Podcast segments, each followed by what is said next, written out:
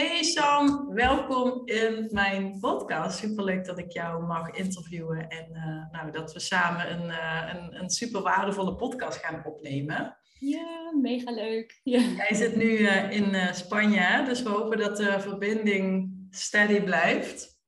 Gaan we vanuit. Komt helemaal ja, goed. Gaan we zeker ja, voordat we beginnen, misschien is het leuk voor de luisteraars dat je even vertelt wie je bent. Waar je woont, weten ze inmiddels al. Maar gewoon wie je bent, wat je doet. Brandlos. Ja, ja, ik woon natuurlijk tegenwoordig in Spanje. Dus dat is inderdaad wel gelijk een goede binnenkomer. Uh, ik zit hier tijdelijk. Uh, ik ben hier voor een klant naartoe gestuurd. Is wel een luxe. Uh, nu komt natuurlijk de, de slagzin die ik erin moet stoppen, die wij samen hebben gecreëerd. Um, ik word volgens mij overhoor stiekem. Nee, ik, ben, ik, ik ben een sales expert en business mentor. Doe voorzichtig een beetje stem. Ik uh, ben gespecialiseerd in onderhandelen. Dit heb ik in het verleden tien jaar op corporate niveau gedaan bij grote partijen als Albert Heijn, uh, de grote supermarkten, noem ze maar op. Ik zal niet te veel promo doen. Um, en momenteel doe ik het vooral voor. Ja, nou, promo voor de supermarkt. Dus als ik op Heijn moet ik eigenlijk ook Jumbo zeggen. Heb ik oh ja, ja, anders krijg je ruzie. Ja, dan krijg je dat gezeik.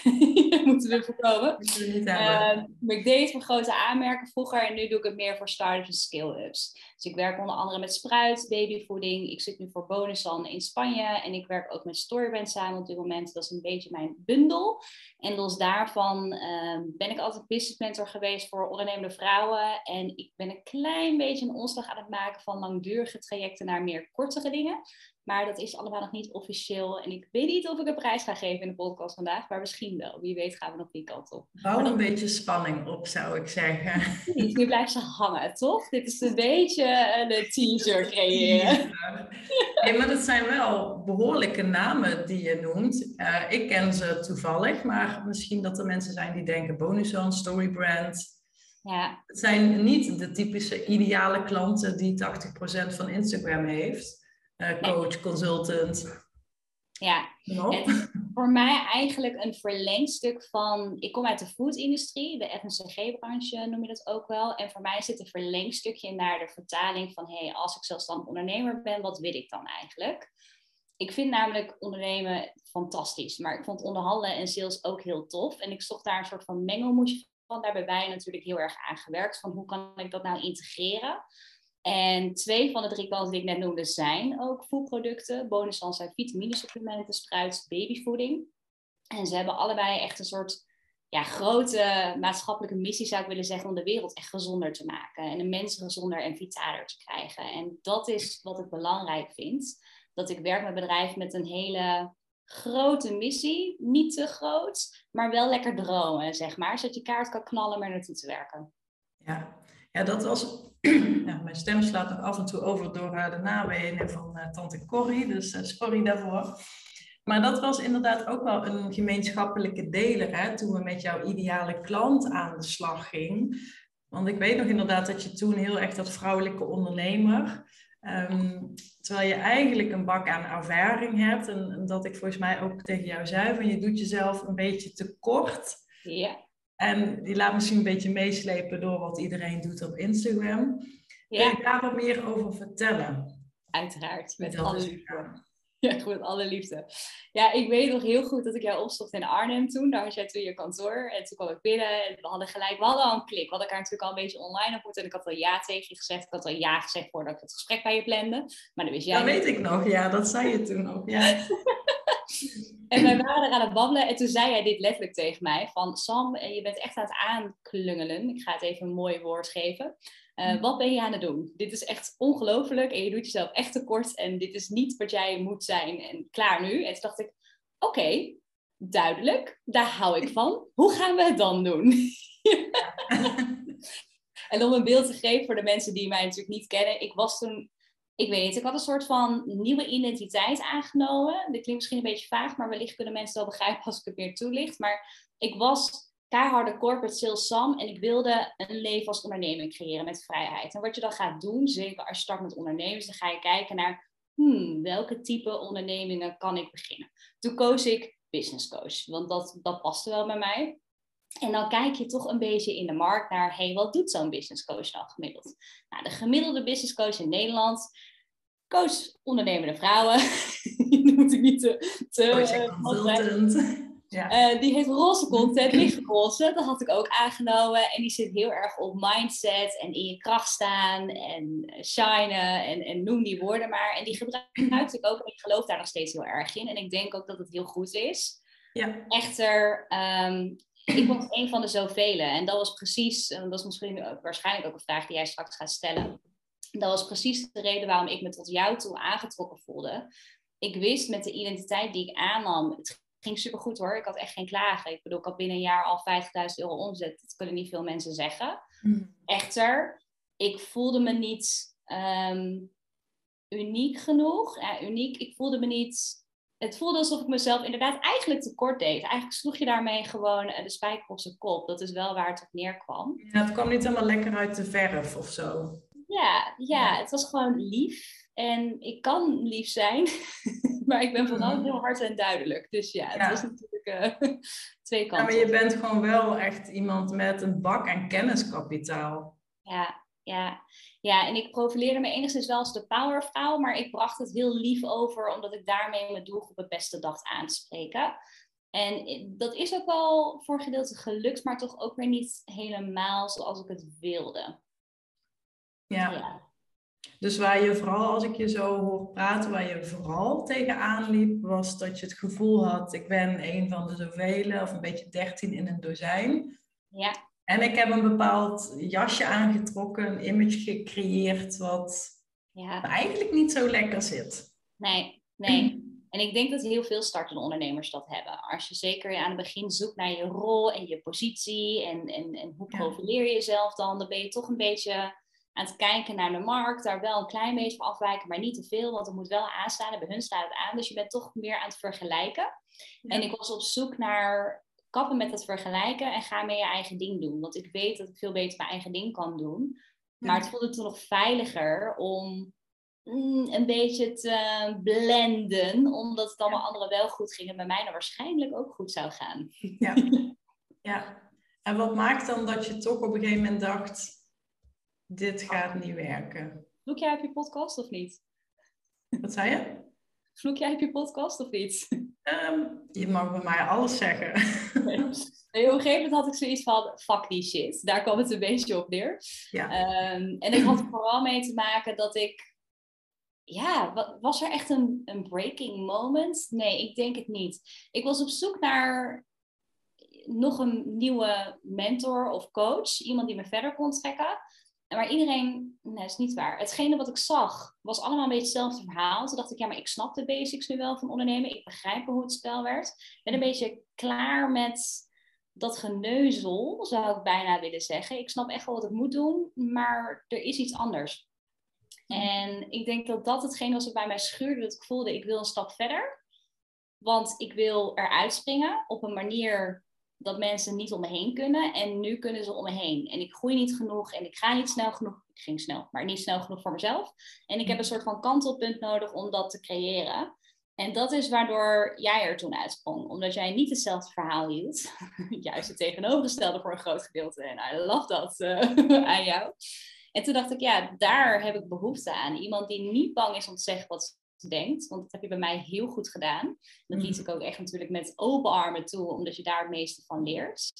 Maar ook niet bang is om tegen de raad te zijn in de markt. Ja. En dat is cool. Mooi om te horen. Ja. I love it. ik, ga jou gewoon, ik ga jou ook gewoon verkopen, dat komt goed. ja, dat kun jij wel. Nee, ik moet het even laten marineren. Maar even dat, dat kantelpunt wat je net zei, hè, dat vond ik dan wel een interessante. Wat was voor jou dan echt dat kantelpunt? Was er een bepaald gevoel of iets wat je las of iets wat je juist ervaarde? Hmm, ja, ik, het is, ik ben natuurlijk ingestapt nu ruim een jaar geleden bij jou. Ik ben even aan het denken waar ik toen stond hoor. Had ik toen mijn tweede event al gepland of was ik die nog aan het plannen? Daar was je toen mee bezig, ja. ja die was ik aan het plannen. Ik denk dat ik. Ik heb een heel succesvol event gehad toen in mei. Nee, ik lieg, in juli. En toen heb ik een nieuw event gepland in oktober al, wat echt heel dichterop was, kwam ik achterhand, uh, naderhand achter. Ja. En ik weet dat ik daarmee aan het vogelen was van, hé, hey, wat ga ik nou anders doen? En hoe maak ik hem nou weer Sam? En hoe kan ik hem nou weer een stapje omhoog zetten, dat mensen ook weer terugkomen? Mhm. En ik denk dat ik daarin voelde van, hé, hey, ik weet nu wel wat ik moet doen om een event te verkopen, maar ik weet eigenlijk niet zo goed wat ik er precies op wil doen. Ik denk dat dat meer de zoektocht was die ik had. Niet weer het basisverhaal van, hé, hey, na deze dag ga jij weer keer tien verdienen met je onderneming, maar ik wilde net even iets gerichter zijn. En ik denk dat ik dat miste. Ja. ja, en toen gingen we aan de slag en toen hebben we toch eigenlijk aan veel meer dingen gewerkt dan het event. Hè? Het event heb je toen gedaan, maar we zijn eigenlijk daar wel in mijn herinnering vrij snel overheen gestapt en echt gaan kijken naar toch weer die basis, naar je aanbod. Ja, de bigger picture. Ja. ja, ja. Ja, en ik denk dat dat uh, hetgene is wat eigenlijk elke ondernemer nodig heeft. Ik ben zelf heel goed in uitzoomen. Ik doe dat voor mijn klanten. Lekker erboven hangen en zien waar je aan de slag moet. Maar voor jezelf is dat heel moeilijk. Ja. En um, daar zocht ik jou in. Van, hey, help mij weer even om boven mijn eigen bedrijf te hangen. En inderdaad gewoon te zeggen, je bent echt nou, je tijd aan het verklungelen met wat je nu doet. Daar kwam het een beetje op neer. We gaan het anders doen. En hier mis je iets, hier mis je iets. En jij hield heel duidelijk voor, maar daar schrok ik toen een beetje van, dat ik heel veel potentie had om andere soorten klanten aan te trekken. Maar ik was zelf nog niet in de staat om te zeggen, oh, en dat ga ik ook doen. Er was een soort van blokkade bij mij. Omdat ik in mijn hoofd had, nee, als business coach hoor ik ondernemende vrouwen aan te trekken. Dat was een soort van, zo moest het zijn. Ja. En jij opende een heel pad naar, ja, maar Sam, je kan ook een business coach, business mentor, wat voor naam je beestje maar wil geven. Mm. Dat kan je ook zijn terwijl je starters begeleidt, de skill is begeleidt. En toen sloeg ik een soort van stijl achterover en dacht van, ja, maar dat was niet wat ik bedacht had tien jaar geleden. En daar zat echt de hotspot. Ja, uiteindelijk wel. Ja, want we hebben zo hard toen gewerkt aan die profilering en de positionering. En veel meer gezeten op, hey, ik heb gewoon verdorie miljoenen deals binnengehaald. Ik ben echt niet een huppelkutje wat om de hoek komt zetten, wat in één keer business coach wordt. Ja, um, daar zat het verschil in. Ja, en daar zat ook het gevaar dat mensen je wel als dusdanig zouden gaan zien. Ja. want dat, doet, dat doen er al zoveel en dat is helemaal prima. Iedereen moet natuurlijk doen wat, hè, waar, waar het hartje van gaat kloppen. Ja. Maar ja, wat als er gewoon veel meer in het vat zit? Nou ja, precies dat. En dat heb jij mij heel helder geschetst toen die ochtend. Ik weet ook dat we echt heel hard aan het brainstormen waren. Dat je toen ook zei, we moeten nu kappen, want het wordt te veel. Ja, error, error. Ja, dat effect kan ik wel hebben, ja. Ja, dat was juist voor mij heel tof. Want we gingen op elkaar aan en we gingen nog een slagje verder. En we gingen zelfs een paar stappen te ver misschien, maar daardoor was het juist ook wel weer een hele heldere blik naar, oké, dit is wat we moeten neerzetten en deze kanten kunnen we daarmee op gaan trekken. Ja, en welke stappen heb je daarvoor nu allemaal al gezet? Oh, girl. Heel ehm, veel, hè? ja. Huizen naar Spanje te nemen. ja, het is echt, ja, mijn leven is echt compleet anders nu. En het is heel gek hoe dingen lopen. Ja. Ik heb hoogtepunten, dieptepunten gehad. Ehm, alles wat je maar kan bedenken als ondernemer. Het hoort er allemaal bij. Uh, En nu leef ik eigenlijk mijn ideale leven. En ik realiseer me nog ineens dat het zo snel is gegaan. Dat ik erin terecht ben gekomen. Dat is absurd. Um, eens even kijken, hoe ga ik deze toelichten? Drie jaar geleden zat ik vier jaar geleden inmiddels, zat ik in een burn-out. En toen besloot ik om bij mijn huidige baan weg te gaan. Niet omdat ik mijn functie niet leuk vond, maar meer omdat ik dacht, ja, is dit nou alles? Hè? De handvraag van de gemiddelde millennial, die had ik ook. Ja. En toen voelde ik aan al mijn water dat ik het ondernemerschap eens moest proberen. Had ik al een aantal keer ervoor gedaan, maar nog nooit zo doorgezet als nu. En ik had zoiets van, weet je Sam, je roept ook al jaren dat je een wereldreis wil maken. Waarom ga je niet verdorie eens een keer? Ja. Dus ik had mijn baan opgezegd. Rondom de eerste keer dat Corrie toesloeg. Ehm, met het zicht op, hey, in december stop ik met werken, ga ik naar Australië, dan kan ik een jaar rondreizen. Ik ben nu nog jong genoeg om dat visum aan te vragen met mijn uh, mannetje. En dan zie ik wel waar het schipstand ga ik ondernemen. Nou, dat sloeg dus compleet om, want uh, we konden niet weg. We zaten allemaal vast in Nederland rond december. Dus in één keer was ik werkloos. Klinkt echt heel pijnlijk. Als ja, ja. In één keer was ik werkloos.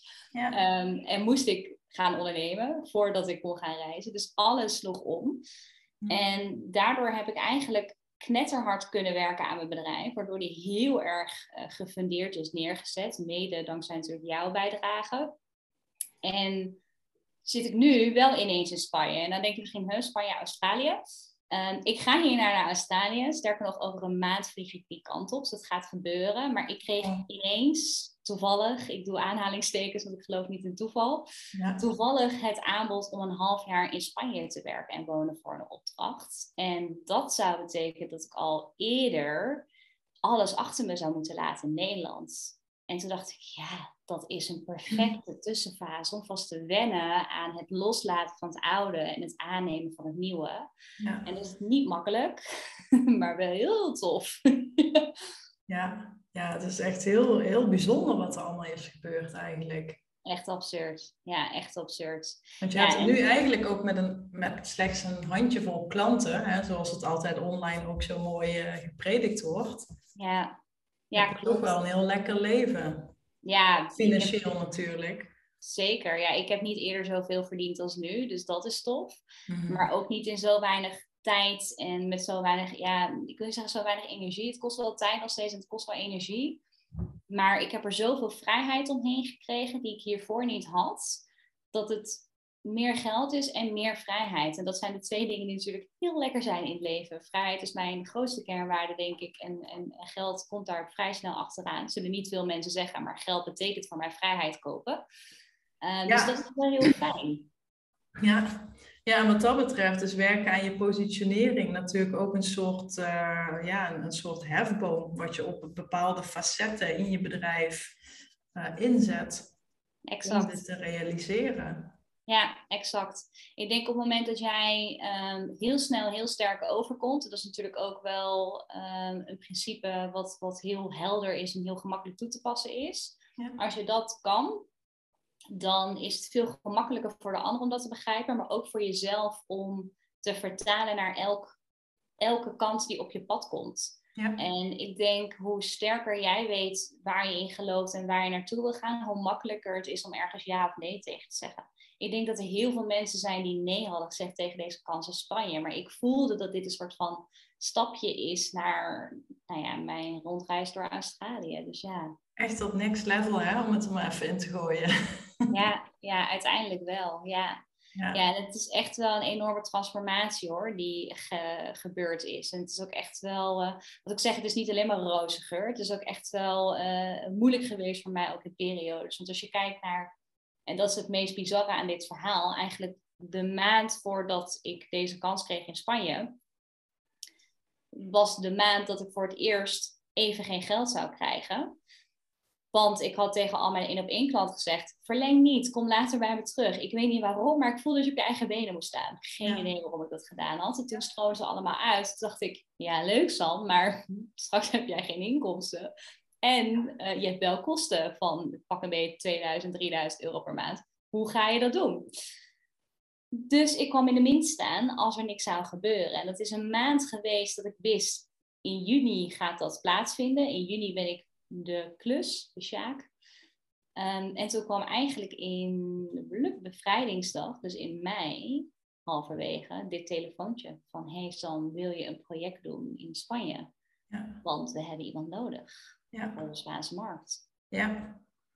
Ja. En Storybrand kwam er ook nog bij, hè? Want dat is natuurlijk ook een heel erg, heel, vind ik dus een hele toffe klant. Dat weet jij natuurlijk, want ik ben bij de Amerikaanse uh, founder van Storybrand geweest. Mocht je het even uh, niet weten wat het is, Storybrand is een uit mijn hoofd zeven stappen framework om je boodschap en om je verhaal en dus daarmee je ideale klant aan te zuigen, um, te ontwikkelen en, en te omschrijven.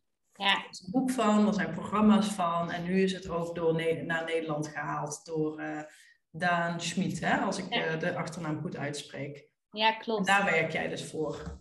Ja, het was echt dezelfde timing. Want ik weet nog dat ik op de tweedaagse workshop was van Storyband. Die is volgende week toevallig weer, maar in mei was ik er ook.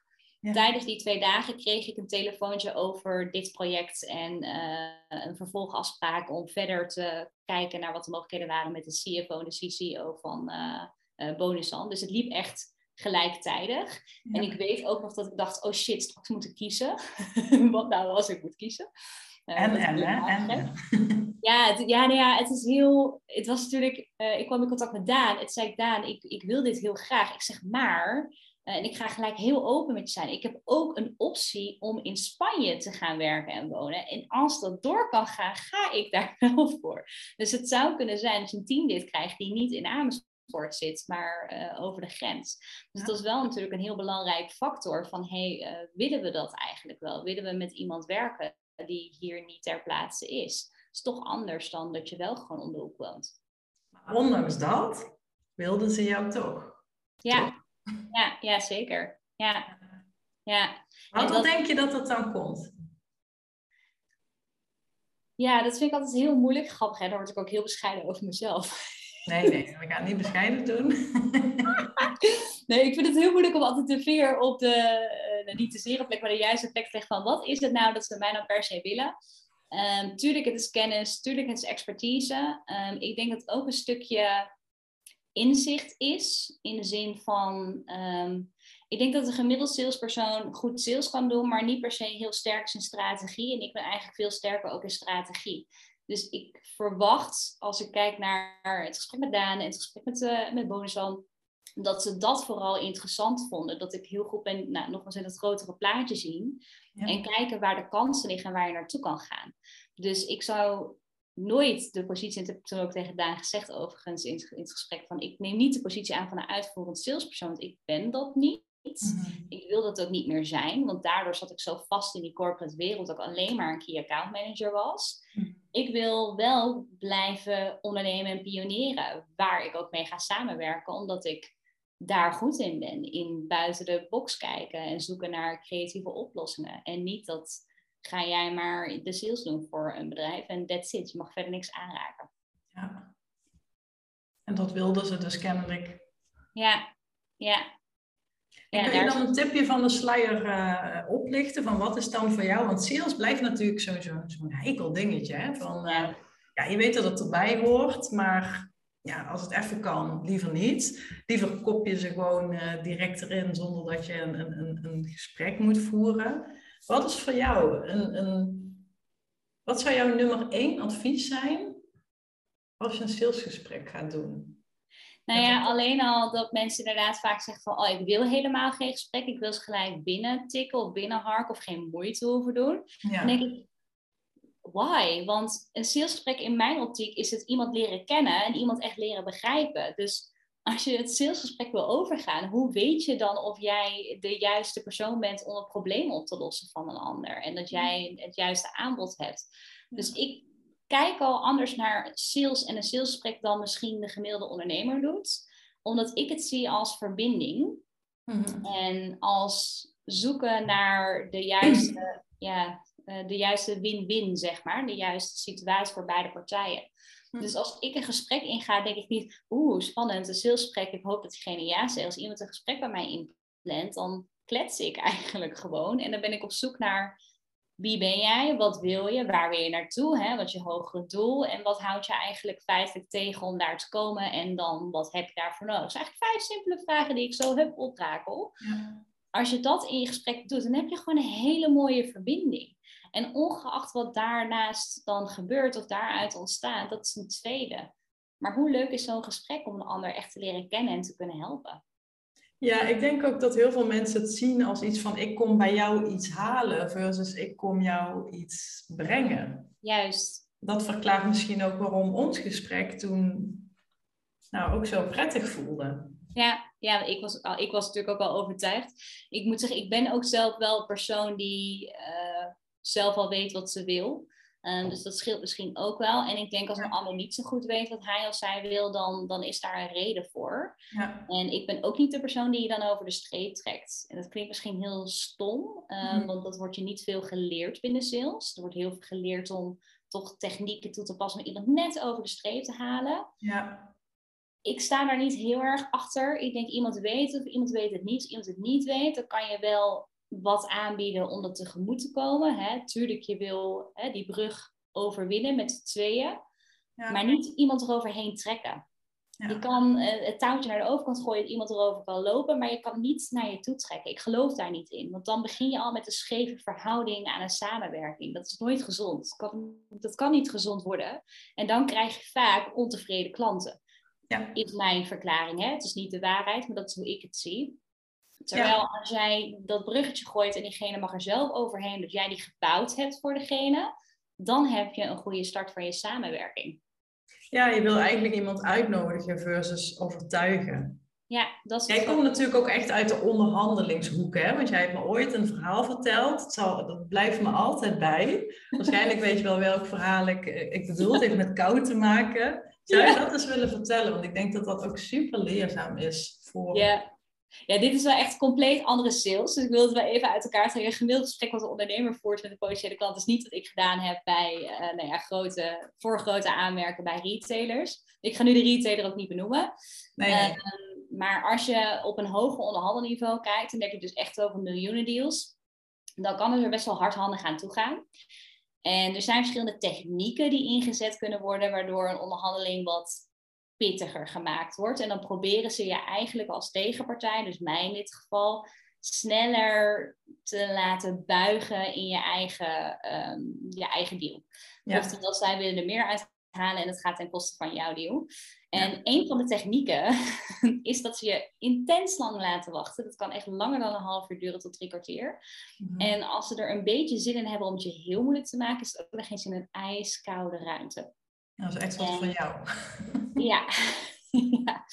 En dat is niet heel leuk. En je weet dat het kan gebeuren, maar toch ga je in een, vaak toch een chique jurk of een blazer ga je op pad. Dat had ik toen ook aan. Dus dat is een leuke chique jurk en een blazer met pumps. En als het dan koud is, dan heb je het heel snel koud. Als je het eenmaal koud hebt, ben je ook echt niet meer in je beste doen. Dus het werkt. Dat is het ergste, het werkt. Ja, het gebeurt niet heel veel en het is niet altijd. Ik wil niks, uh, ik wil niemand uh, uh, kwaad doen hiermee. Het gebeurt wel. en mij is het ook zeker overkomen. Uh, tot aan onderhandelingen met, nou ja, volgens mij waren het zes mannen aan de andere kant van de tafel aan toe. Ik heb echt van alles gezien en gehad om maar te pushen op de beste deal. En het wordt steeds erger, vind ik, in retailland. Ik denk dat ik dat ook het jammere aan dat wereldje op een gegeven moment vond. Helemaal als je voor grote aanmerken werkt en dan maar grote retailers, het wordt alleen maar heftiger gemaakt. Ja. Dat je ook niet meer met je eigen contactpersoon ging onderhandelen, maar met een andere afdeling. Dus dan kende je elkaar ook helemaal. Dus het werd ook steeds kouder en afstandiger gemaakt. Letterlijk kouder, maar ook figuurlijk kouder. Ja, um, waardoor het ook wel echt puur om het onderhandelspel ging. En ik vind dat leuk en tof, maar eigenlijk op een bepaald niveau niet meer omdat het toen echt ging om het allemaal zo moeilijk mogelijk maken. En ik geloof meer in een winst voor beide partijen creëren. Ja. En dat miste ik op een gegeven moment, als je het hebt over die zware onderhandelingen die ik deed bij, bij mijn werkgevers, zat dat me een beetje tegen. Het helpt me nu wel, bijvoorbeeld voor Spruits, dan spreek ik gewoon weer met dezelfde retailers. Ja. Helpt het om te weten dat ze het zo kunnen doen. Maar als start-up heb je toch een andere binnenkomer dan als aanmerk. Ja. ja. En het maakt ook wel dat je gewoon een, een, ja, wat ik al eerder zei, een bak aan kennis hebt. En niet zo heel snel meer onder de indruk bent van wat online een beetje wordt gepredikt. Want ja, je, je, je hebt gewoon echt bij de zwaargewichten aan tafel gezeten. Wel klappertandend, maar... Letterlijk. Net wel, ja, je hebt gewoon echt, toen jij dat destijds ook zei, miljoenen deals, dat ik dacht, ja, holy shit. Je hebt toen ook nog in het gesprek later tegen mij gezegd dat ik veel te goedkoop was. Dat weet ik ook nog, ja. Ja, klopt, ja. Ja Vind ik nog steeds trouwens. Dus als je nu nog een deal wil scoren, moet je nu bij me zijn. ja, ja. Ja, goed. Nee, maar dat heb ik wel onthouden. Hè? Ja, ja het gebeurt niet heel veel mee, maar... nee. Nou, ja, die heb ik zeker meegenomen. Ja, zo krijg je ook altijd van je klantenfeedback. Ja. Heel belangrijk om daarna te blijven kijken. Precies dat. En dat bedoel ik met die brug leggen en een gelijke samenwerking creëren. Dan zul je zien dat je zelf ook veel meer van je klanten gaat leren. Omdat je dan op een veel fijner niveau met elkaar gaat werken. Ja. En ik weet ook, natuurlijk, als jij iemand coacht of mentort, moet je niet altijd op een gelijk niveau zitten. Er moet altijd een verschil in zitten. Hè? Teacher en, en, en, en hero. Ja. Ehm, maar het is wel goed om een gelijkvloerse start te hebben. En niet ja, dat trekken, ik geloof niet in dat trekken. Nee, wat je net zegt, dat vind ik wel even een mooi haakje. Want ik weet dat heel veel eh, ondernemers ook die opvatting hebben. Dat als je het dan hebt over je ideale klant en daarmee in gesprek gaan. En ja. gelijk stemde, of ik weet even niet welk woord je zelf net uh, gebruikte. Maar dat die ideale klant vaak een, een weerspiegeling moet zijn of is van jouzelf een aantal jaar geleden. Ja, ik vind dat dus gewoon echt kwatsch, om het op zijn Limburgs te zeggen. Want ik zie het bij jou, ja, kijk qua omzet, hè, zal een bonus al, denk ik, misschien nog wel ietsjes meer verdienen dan jij nu. Dat weet ik niet, dat is even een aanname. Maar het is dus echt een, een mindfuck dat je per se een klant moet kiezen die achter je staat. Want je kunt misschien op bepaalde gebieden uh, uh, iemand helpen die wat achter je staat. Maar er zijn ook klanten die op bepaalde gebieden al voor jou staan. Alleen net op dat specifieke expertise stuk van jou, jou willen hebben, ongeacht hoeveel jaar zij zelf al ondernemen en, en hoeveel geldstromen er maandelijks binnenkomen. Hoe kijk jij daar nu tegenaan? Dit is een van jouw opvattingen waardoor ik dacht, ik moet een non hebben. Want dat is de reden waarom ik begon met de overtuiging, ik moet mensen coachen die achter mij staan. Hè? De ondernemende vrouwen die net beginnen, die nog aan het zoeken zijn en onzeker zijn. Uh, even heel plat geslagen, niet precies wat ik bedoel, maar hè, degene die echt nog aan het zoeken zijn en nog willen groeien en niet zo goed willen weten hoe ze zichzelf moeten neerzetten als ondernemer. Ja. Um, en juist wat jij nu zegt, is ook waar ik in geloof, maar wat ik dus aan het begin niet heb toegepast. Want juist uh, toen ik dat wel meer omarmde, ik heb het ook al wel aan het begin gedaan hoor, moet ik heel eerlijk zeggen. Toen ik net begon met ondernemen, heb ik een aantal vrouwen geholpen die echt wel grote deals aan het uh, binnenhalen waren om er meer uit te halen. Ik heb toen één uh, dame geholpen, uh, ze had een deal lopen bij een hele grote, heel groot bedrijf binnen interieur. En die hebben omhoog getild, dat was echt super vet. Eigenlijk met een paar simpele stappen van 4 ton naar 2 miljoen. Gewoon binnen een paar dagen tijd is de deal zo hard gegroeid dat ze er veel meer uit heeft kunnen halen. En dat Hij was artiest toch? Of, of illustrator of iets in die trant Ja, ja, van behang. Ja, ja, ja. Ja, dus, fantastisch. Uh, heel dus mooi. Maal vijf. Ja, ja, maal vijf. Ja, maal vijf. En dat was gewoon mogelijk met een paar simpele tweaks en stappen die je in de handeling kan toepassen. Dus ik heb het aan het begin wel gedaan, maar er niet veel mee gelopen. Maar toch trok ik toen al wel klanten aan die op dat niveau waren. Ik heb meerdere gehad met eh, deals van een ton, die ook gewoon zeiden: Sam, help me even om net even iets meer eruit te halen. En daar heb ik weinig mee gedaan. Ik heb, het, uh, ik heb het drie keer gedaan, omdat het op me afkwam. Ik heb het nooit meer echt geprofileerd of gepositioneerd. Nee, jij deelde dat niet echt, hè? Terwijl ik denk, nou, volgens mij, iedereen deelt iedere dag wel wat hij verdiend heeft. En, uh, ja, nee, zal Of het nou waar is of niet, hè? Dat laat ik maar even in het midden. Zal niet, nee. Maar jij deelde die verhalen toen heel open en eerlijk, dat ik echt dacht van, waarom kent niemand deze vrouw? ja, ik geloof niet zo in schreeuwen. Ik geloof meer in gewoon doen. Ik ben niet zo van het, het, mooie plaatje creëren. Ik geloof daar ook niet zo in. Ik denk hoe mooier en gepolijster plaatje, hoe meer dat aan de achterkant kan uh, scheuren. Ja. Ehm, dus het is ook, heeft het daarmee te maken met die overtuiging. Dat ik denk, ja, ik hoef dat allemaal niet zo uh, in de schijnwerpers te zetten. Ja. En ik vind het ook niet belangrijk. En dat klinkt misschien heel stom, maar ik vind het belangrijker dat ik zelf plezier heb in mijn werk en dat ik vrijheid creëer en dat ik een goede deal voor anderen binnenhaal, zodat zij hetzelfde kunnen ervaren. Maar ik vind het niet belangrijk om ermee te prediken. Ik, dat heb ik niet zo in mij. Ik hou niet zo van kijk mij. Ik heb liever kijk naar die ander of zo. Hoe goed die het wel niet gedaan heeft met de onderhandeling dankzij mijn tips. Maar zij doen het wel. Ja, als zij succesvol worden dan. Ja, ja. ja. dus het is, uh, ik ik heb het moeten leren ook hoor, om daarna wel echt uh, succesverhalen te delen en daarvoor te staan, dat te laten zien. En, Tuurlijk. Ja, het is niet. Soms mag het ook best, hè? Even, even jezelf uh, een schouderklopje geven en, en jezelf wat veren in de race steken. Bedoel... Dat doe ik ook, maar dat doe ik gewoon met een dinertje of met andere leuke dingen die ik doe. En niet zozeer om het op Instagram te zetten, zodat anderen het kunnen lezen hoe goed ik wel niet ben. Ik heb dat niet zo nodig. Ja. Ehm, en ik weet niet waarom niet. Ik vind het gewoon niet belangrijk of zo. Het doet er voor mij niet toe. Ja, ja, ieder, ja iedereen staat er natuurlijk anders in.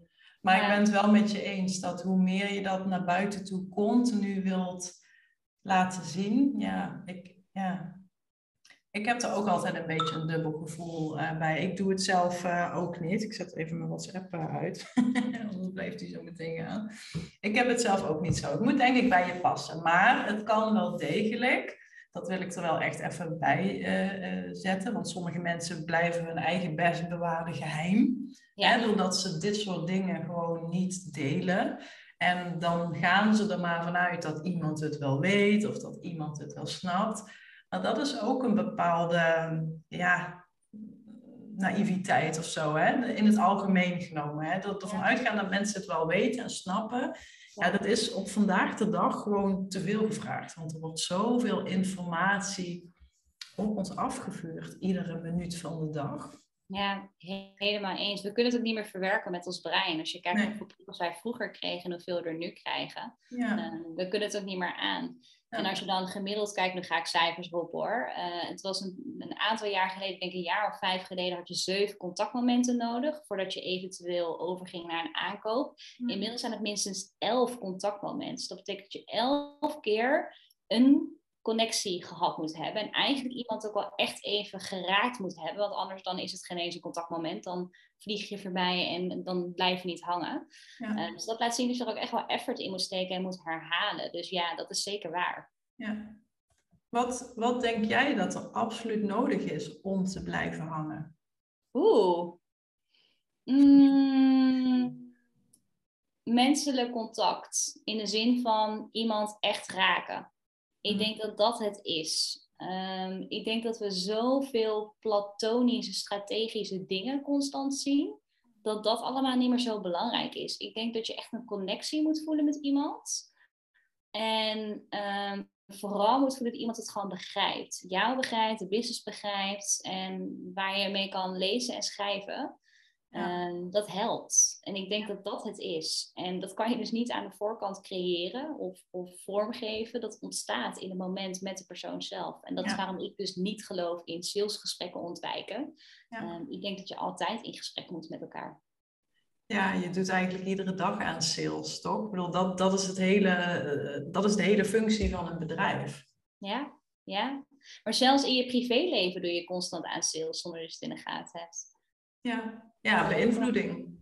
Ja, ja, Met alles wat je doet ben je eigenlijk stiekem bezig om jezelf te verkopen. Of om iets van jezelf te verkopen. Al is het maar om leuk gevonden te worden. Of ergens binnen te mogen komen op een feestje. Dat je uitgenodigd wordt, ik roep maar wat. Je bent constant jezelf aan het verkopen. Ja, of een bepaald idee wat je hebt. Of uh, het kan natuurlijk van alles zijn. Het heeft heel erg te maken met communicatie en non-verbaal en verbaal. En wat je zegt en wat je niet zegt. Ja. Maar inderdaad, dat stukje begrip, dat, dat is inderdaad wel een hele belangrijke. Hè? Want het is, gaat het erom dat klanten jou begrijpen of gaat het erom dat zij zich begrepen voelen? Ja. Dat is ook een kleine nuance, maar daar zit denk ik ook heel veel kracht in. Ik denk dat, dat je hem daarmee hebt. Het is inderdaad echt het tweede. En daar gaan heel veel ondernemers toch de mist in. Ja, en dat het soms ook gewoon veel te snel moet. Ik geloof echt heel erg in slow and steady wins the race. En ik heb toevallig uh, net een e-mail geschreven, omdat ik vandaag een, een, een actie heb. Sales. Always in sales. Maar um, wat wilde ik nou zeggen? Slow and steady wins the race. Ja, ja. Dat ik in het begin inderdaad ook wel eens dacht van, ah, ik blijf heel erg achter op bepaalde grote namen. Uh, die natuurlijk met challenges bezig waren en continu lanceringen. Maar ik, ik voelde ook heel erg vanuit mijn archetype, kunnen we het zo ook nog even kort over hebben. Dat, dat is gewoon, ik kan het wel, maar het kost me energie. Ik ga er niet van aan. En ik geloof er ook heel erg in dat als jij aangaat, dat je klant ook aangaat.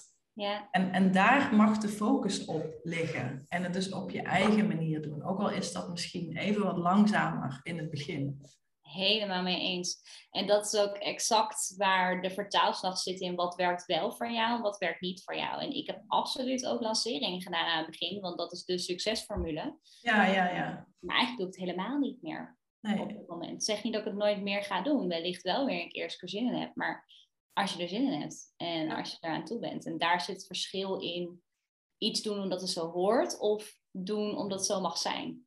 Ja, ja. En je hebt natuurlijk ook de Fascinate-test gedaan, hè? Ja. Hoe vond je dat?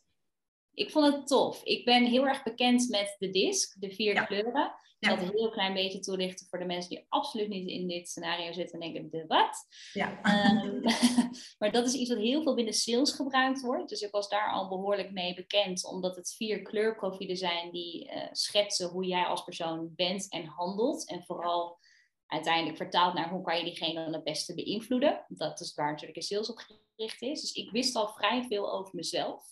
Uh, maar wat ik cool vond aan de Fascinate is dat je natuurlijk nog meer persoonlijkheidsprofielen hebt.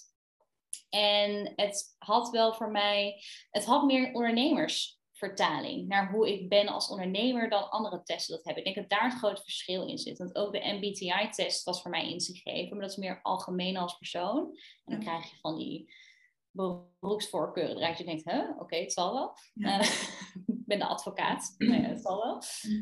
Um, maar hiermee was het heel erg gericht op hoe ben ik als ik ook in mijn ondernemerschap zit. En dat vertaalde ik heel erg uit omdat ik de Maverick Leader ben. En waar liggen dan jouw voorkeursladen in hoe jij wil ondernemen?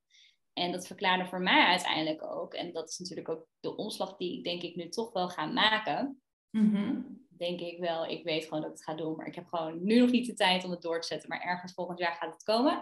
Mm dat ik af ga stappen van langdurige trajecten die ik nu heb en veel meer naar kortstondige dingen wil gaan.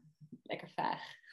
Ja, maar jij hebt ook jouw eerste advantage. En uh, advantage is een communicatiestijl. Hè? Dus fascinate zegt je niet zozeer Um, vanuit je psychekant, hè, hoe, hoe, kijk jij tegen de wereld, maar vooral hoe kijkt die wereld tegen jou? Dus een test als DISC en Enneagram en, en StrengthsFinder, die zijn natuurlijk super waardevol. Die zeggen jou heel erg over hoe je gewoon wired bent eigenlijk, hè, om het even mijn taal uit te drukken.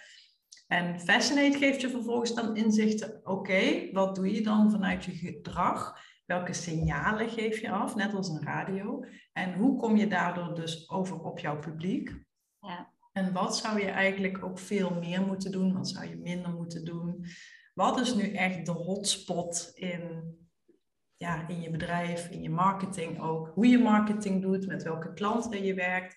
Dus vanuit dat profiel kun je eigenlijk alle uitstapjes maken in je bedrijf die er maar zijn.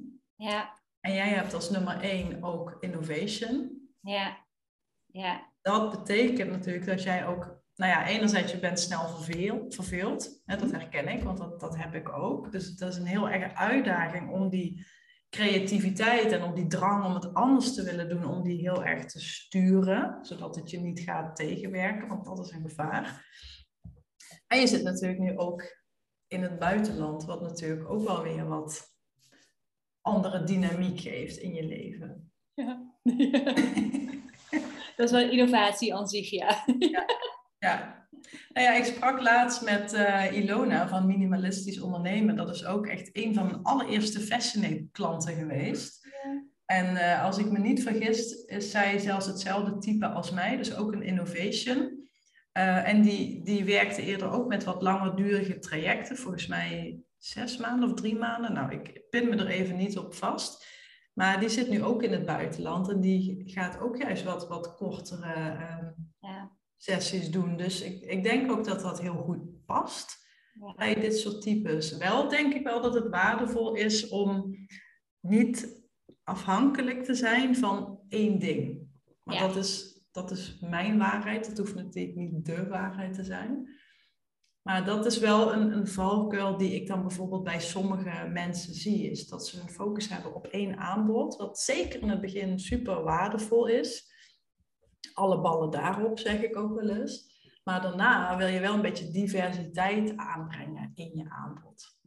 Ja, en vooral zorgen, want dat is waar het heel vaak misgaat, dat we denken dat we nieuwe klanten nodig hebben en dus weer sales moeten doen voor nieuwe klanten. Terwijl als jij een groter palet hebt aan aanbod en jij jouw klanten kan laten doorgroeien letterlijk en je lifetime value per klant kan verhogen, ja. dat is veel makkelijker en veel moeiteloos zou ik toch willen zeggen. Ik heb een hekel aan het woord ergens, maar het is toch moeitelozer ondernemen. Ja, lekker in flow ja, lekker in flow. Ja, lekker flow. Lekker flowen. uh, desalniettemin, mijn punt is wel dat als jij ervoor zorgt dat je je meer focust op je huidige klant en daar een breder palet voor creëert aan aanbod, dan is het veel gemakkelijker om mensen langer aan je te binden, waar je veel minder tijd en energie in moet stoppen, dan elke keer weer zoeken naar een nieuwe klant. Ja, ja. Maar goed, dat houden we van jou dus nog te goed, uh, begrijp ik. Hè? Dat wordt nog een beetje een verrassing. Ja, nou ja, weet je, het, is, het staat nog niet op papier. Tegelijkertijd moet het op papier staan. Nee, ik ben een open boek. Waar ik naartoe wil bewegen, ik ga het gewoon delen. Maakt niet uit. Ze hebben al zo lang geluisterd, ik had de teaser gelaten, laat ik het dan ook maar gewoon delen. Laat ik wel wel uh, eerlijk zijn. Ik staat in beton, zeg ik altijd. Hè? Dus, uh... ja. Nee, ik, uh, ik, ik, laat niet alles volledig gaan. En ik heb ook nog een aanbod voor ayahuasca in combinatie met business coaching. Die had ik eigenlijk dit jaar staan. Die heb ik doorgeschoven naar volgend jaar. Dus dat blijft. Mm -hmm. Dus dat betekent dat ik waarschijnlijk eind 2023 met dat traject ook kom opnieuw. Um, waarbij ik business coaching combineer met ayahuasca in Peru, in de jungle bij de bron. Dat je echt terug gaat naar jezelf, naar je kern en dat kan implementeren in je business. Dat vind ik nog steeds een gouden combinatie. Ja. Maar in de tussentijd ben ik een jaar aan het rondreizen in Australië. En ik heb gemerkt nu in Spanje dat als je met een aantal uh, klanten werkt waar je toch veel op schema moet werken, dat je toch je hebt vrijheid, je kan overal werken waar je wil. Want ik heb door Spanje en Portugal gereisd. Ik heb de tijd van mijn mhm. leven. Mhm. Maar je zit toch wel enigszins vast aan een kalender, aan de agenda. Ja. En dat wil ik niet meer. Dus toen dacht ik, ja, wil ik dan nog wel mijn één op één business class nieuw mentorship doen? Van een half jaar of een jaar. Toen dacht ik, nee, dat wil ik eigenlijk ook niet per se.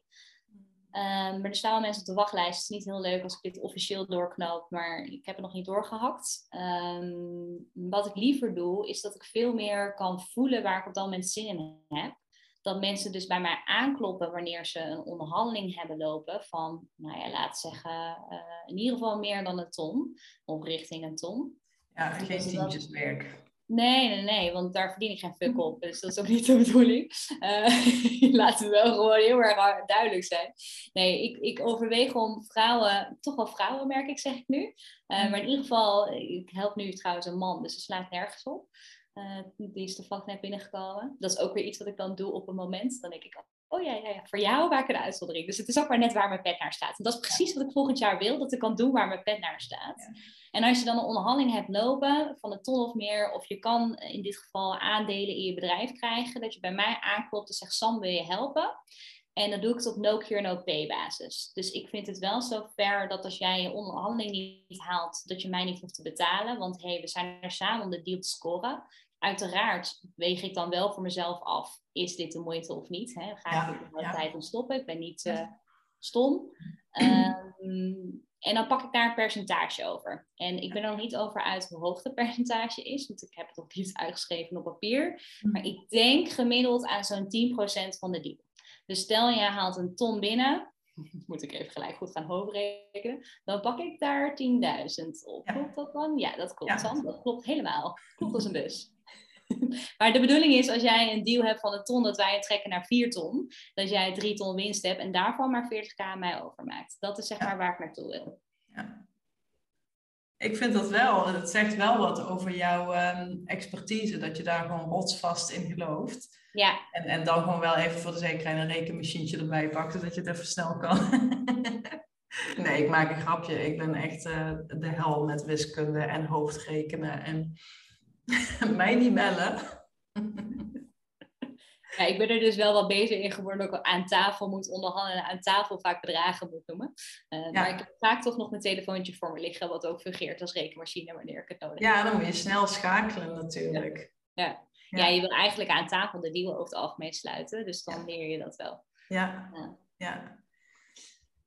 Nou, ik, um, ik zit even te denken of ik uh, nog vragen heb. Um, nou, waar ik normaal altijd de podcast mee afsluit als ik een gast heb of een klant heb, um, is, is er één ding, en ik verras jou daar nu mee, want ik had de vragen niet naar jou gestuurd, maar is er iets wat wij online nog niet van jou weten? Oh. Dat je gewoon nu. Oh, um, ja. Eens even denken. Ik heb natuurlijk heel veel meegemaakt de afgelopen weken, maanden, waarvan ik geen ene moer gedeeld heb. Ehm, wat is dan interessant om te delen? Nu komt er iets persoonlijks uit, merk ik. Maar dat is gewoon, het is belangrijk, maar wel iets. Nee, dat is helemaal niet interessant. Maar ik ben voor het eerst in mijn leven aangekomen. en ik, uh, ik heb het online hier gedeeld en ik dacht, wat gebeurt mij? Ik heb natuurlijk het Spaanse leven geleden. Uh, dus dat betekent heel veel uh, vieren van het leven. Veel drinken, veel genieten, veel uit eten. Ja. Ze eten hier niet per se gezond. Ik kan voor het eerst in mijn leven niet meer in mijn spijkerbroeken. Oh. Sorry, en daar kwam ik pas achter toen ik naar Nederland vloog. Omdat ik toen naar de kou ging. En toen dacht ik, eens even kijken welke broek ik dan meeneem. Toen dacht ik, ik eh, gewoon even kijken welke het leuk staat. En toen kreeg ik er dus, ik heb er vier bij, ik kreeg geen één dicht.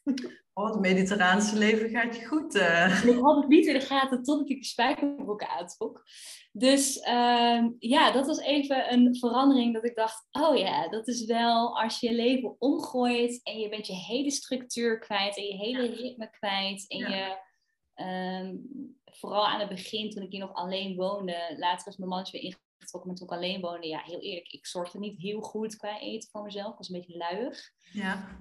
Um, en dat, dat heb ik dus gemerkt. Ja, dus dat is iets wat mensen niet van me weten, maar het is niet heel spannend, maar wel iets wat, wat uh, voor mij inzicht gaf in Oké, als je door verandering heen gaat, mag je dat ook gewoon wel toelaten. Dat ook je hele lijf daar letterlijk even een verandering in maakt. En dat, uh, dat is letterlijk en figuurlijk wel gaande. Je lijf reageert echt op, op veranderingen. En dat hoeft natuurlijk niet, ik bedoel, dat hoeft helemaal niet negatief te zijn. Want je moet er ook gewoon vooral lekker van genieten. Sowieso vrouwen hebben daar zo'n, uh, ja, dit wordt echt een heel ander onderwerp opeens, maar vrouwen hebben daar sowieso echt heel erg een ding mee, hè? Met, met gewicht en inderdaad dat, dat perfecte plaatje on, online uh, delen. Ja, ik merkte dus ook dat ik heb nog nooit eerder gehad dat ik dus echt aankwam. En ik mm. begreep ook nooit zo goed wat nou precies het probleem was als vrouwen zich wat zwaarder voelden. En dat klinkt heel gek, maar ik heb aan het begin ook nog wel body positivity dingen gedaan dat ik het heel cool vond. Nu ben ik daar wat minder van. Niet mm. door dat ik aangekomen ben, maar daarvoor al minder. Uh, maar voor het eerst begrijp ik het. En ik mm. begrijp het omdat je in één keer niet voldoet aan het perfecte plaatje. We hebben een mm. soort van stramien meegekregen van je bent alleen maar succesvol of alleen maar goed genoeg of alleen maar mooi genoeg, hoe je het maar wil noemen, als je er zo en zo uitziet. Ja. En ik merkte nu voor het eerst wat het dus met je doet als je daar in één keer niet meer in past of zo. Ja. En dat dat toch met je mindset een beetje gaat klungelen van, oh, maar ben ik dan nog wel heel raar, maar als je hem helemaal doorvertaalt, en dat doe ik heel vaak bij mezelf, met filosofeer mm. graag, voelde ik dat hij neerkwam op, oh, kan ik dan nog wel geliefd worden? Zo diep gaat dat. En ik denk dus dat het bij alle vrouwen zo diep gaat van, ik zie er niet goed genoeg uit, dus ik ben het niet waard om geliefd te worden. Dat dat gewoon met elkaar in verbinding staat. Ja. En daar schrok ik van, dat ik dat nu voor het eerst ook ervaarde, terwijl ik mezelf juist heel sterk en zelfverzekerd vind. Ja. Dat ik dacht, ik mocht schelden gelukkig.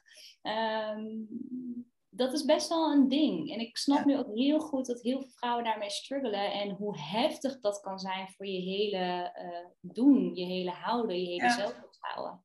Ja, want we worden nog steeds zo beoordeeld op het uiterlijk. En terwijl jij dit nu zo open en eerlijk uh, zegt, denk ik ook van dit is volgens mij ook een, een zo'n groot probleem, vooral in dat online uh, bubbeltje waar wij denk ik in zitten. Want ik heb hetzelfde ervaren, ik ben ook maar gewoon eerlijk. Dat nadat ik ziek werd, medicijnen, nou ik kreeg een volle maansgezichtje van de prednison. Dus uh, ja, je gaat er opeens uitzien als een emoji. De kilo's vlogen eraan terwijl ik alleen maar wortelen zat te eten. En, en nu merk ik sinds ik hier woon, ja. Dat ik heb, uh, de lucht is hier beter, dus ik heb ook meer energie, dus ik wandel heel veel. En nu gaat het heel langzaam, maar zeker begint het een beetje te zakken, ondanks dat ik nog steeds die medicijnen heb. Maar ik heb wel heel erg in die tijd ook gezeten dat ik, en bij mij waren het niet maar twee kilo, maar echt wel wat meer. Um, dat ik opeens ook dacht van, oh, nu mag ik geen mooie foto's meer van mezelf delen op Instagram. Dus ik, ik deelde altijd maar een beetje van die halfgare selfie-foto's. Of ik schoof ook maar naar, naar, naar voren met dat blonde krullenkoppie. Dat ik denk van, nou, de mensen toch nog wat leuks om naar te kijken.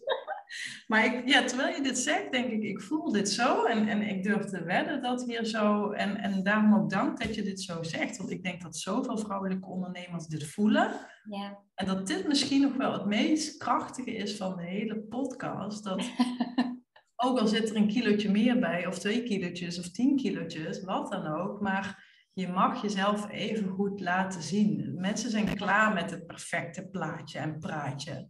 Ja, En dan hoef je niet gelijk helemaal door te tillen dat je à la de body positivity ladies, ik hoop niet nee, dat, nee. Je, uh, dat je à la de body positivity ladies jezelf helemaal blootgeeft en elk rimpeltje en hubbeltje laat zien, dat je dat Nee. gelijk doet. Maar ik bedoel, en dat bedoel jij denk ik ook, maar ik wil even die nuance aanbrengen.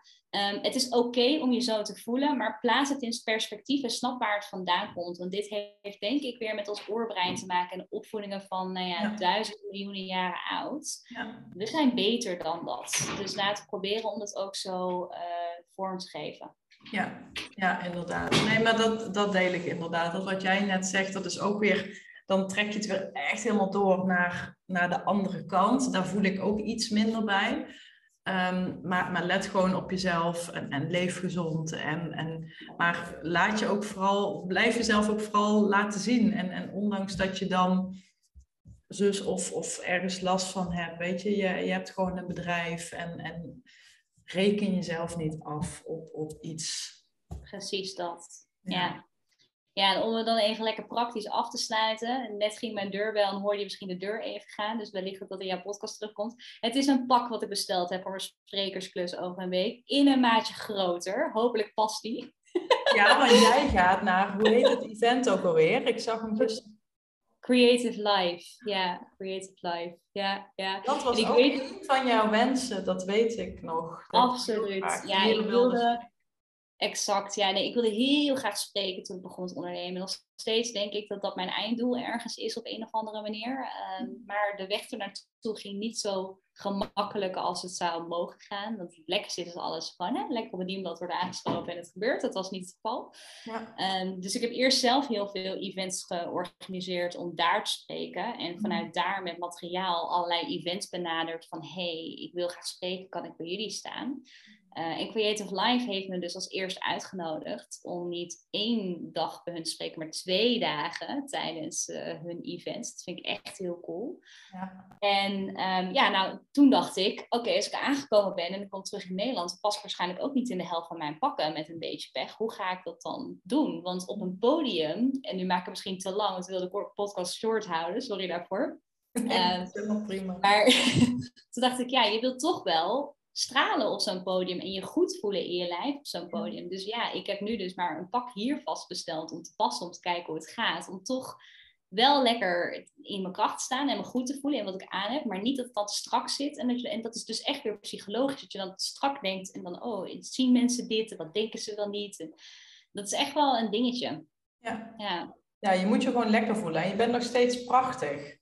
Nou ja, dat uiteindelijk, een ander ziet het waarschijnlijk sowieso niet. Um, Nee. je, je ziet het zelf en je voelt het zelf vooral heel erg. Mhm. En daarmee maak je het groter, doordat je het gevoel heel Ja. hard toelaat of, of Ja. het laat vieren. En ik, ja, en een pakje naarmate groter stellen is voor mij niet heel zwaar, merk ik. Dan denk ik, ja, nou ja, dan is dat maar zo. Ik heb genoten van het leven in Spanje. Oehoe. Ja. Eh, dus hoe je me, hoe je me kijkt. hoor. Ja, precies. Tranquila, tranquila, cerveza, voor vervolg. Eh, nee, ik vind het ook helemaal niet erg. Eh, maar het is wel, ik merkte wel wat voor weerslag het had op mijn hele, eh, ehm, nou niet per se gelijk mijn zelfvertrouwen, maar wel mijn hele denkvermogen over mezelf. Ja. En dat vond ik gewoon schrikbarend. En ik denk, als je nu luistert als podcastluisteraar en denkt, wow, dit heb ik ook, dat vind ik moeilijk. Ik denk dat we allebei er wel voor openstaan om daar eens over te spreken. Ja. Maar het meest belangrijke wat je voor jezelf kan doen, is kijken hoe je gedachten kan afleiden en jezelf kan belonen voor wie je bent. En vooral je lijf belonen. Ja. Ik denk dat dat het ook is. Ik ben gisteren, er zit hier een berg, het heet de Mont Go, die is vij- 750 meter hoog. Die heb ik beklommen. Mhm. Terwijl ik dus niet in shape ben, eh, maar het is me wel gelukt. En toen dacht ik, wow, weet je, dit kan mijn lijf ook gewoon. Ik, ik ben al een paar weken alleen maar klantbezoek aan het doen en totaal niet aan het bewegen. Maar ik klim wel gewoon 11 kilometer die berg op en af. Zo. Eh, dat is wel een verschil. Ja, zeker. Ja, ik was al lang ter aarde gestort. ik moet een zuurstoftank in mijn rugzak. Het is maar net waar je focus op legt. Ik had ook kunnen denken, oh, dit kan ik niet, ik ben aangekomen en ik beweeg niet, ik ga het niet doen. Ik dacht, ik ga het gewoon doen en kijken of het werk komt. Ik heb Ja. het gehaald. En dan Maar zo is het toch ook. Kijk gewoon hoe ver je komt. En rust even uit en klim daarna weer verder. Onder- ondernemen en het leven is nooit een, een, een, een staafdiagram of een diagram met één schuine lijn daarboven. Het gaat altijd met ups en downs. En dan... Exact, exact dat. En als je het al gedaan hebt, dan in één keer voel je weer hoe krachtig je lijf wel niet is. Hoe, dank je, hoe dankbaar je ervoor mag zijn. En hoe erg het eigenlijk is wat je tegen jezelf over je lichaam zegt. Ehm, en dat wil ik je meegeven. Dat als je nu luistert en je denkt, oh ja, ik heb dat en mijn lijf en het zit niet lekker, het is niet goed genoeg. Ga gewoon iets doen waardoor je fucking trots wordt op je lijf en kan zeggen, hé, hey, ik kan dit gewoon, ik doe dit gewoon en mijn lijf helpt me daarbij. Het maakt niet uit wat je gaat ondernemen uh, of, of doen, doe het. Ja, ja dat, geeft een, een, dat geeft gewoon een enorme boost. Ja, ja, dat geeft weer dat zelfvertrouwen wat je nu misschien mist. Ja. om te gaan afronden, want wij kunnen uren door uh, praten, dat weten we inmiddels. Over boost gesproken. Kun je in één zin uitleggen, of twee zinnen mag ook, hoe je een boost hebt gekregen door uh, met mij samen te werken? Oh ja, zeker. Ja, nee, je gaf me gewoon een enorme reality check door een spiegel voor te houden. En dat was voor mij nodig om echt aan de slag te gaan. En los te breken van wat ik dacht, wat er van mij verwacht werd als ondernemer en business coach toen nog. Nu noem ik het iets meer mentor. En verder te kijken naar wat ik eigenlijk echt in huis heb en daar gewoon voor te gaan staan. En dat dat niet botst met elkaar, maar elkaar juist heel erg versterkt. Ja, nou mooi. En kijk waar je nu staat. Nou, ik ben er super trots op. Nou, dankjewel lieverd. Ja. Hey, last but not least, waar kunnen mensen meer van jou zien, horen? Je hebt ook een podcast. Ja, klopt ja. Ja, ik heb de Business Class Deal podcast, heet die heel mooi. Oftewel, je kan een Business Class Deal binnenslepen als je mijn podcast luistert. En helemaal als ik je help hè, met uh, onderhandelen.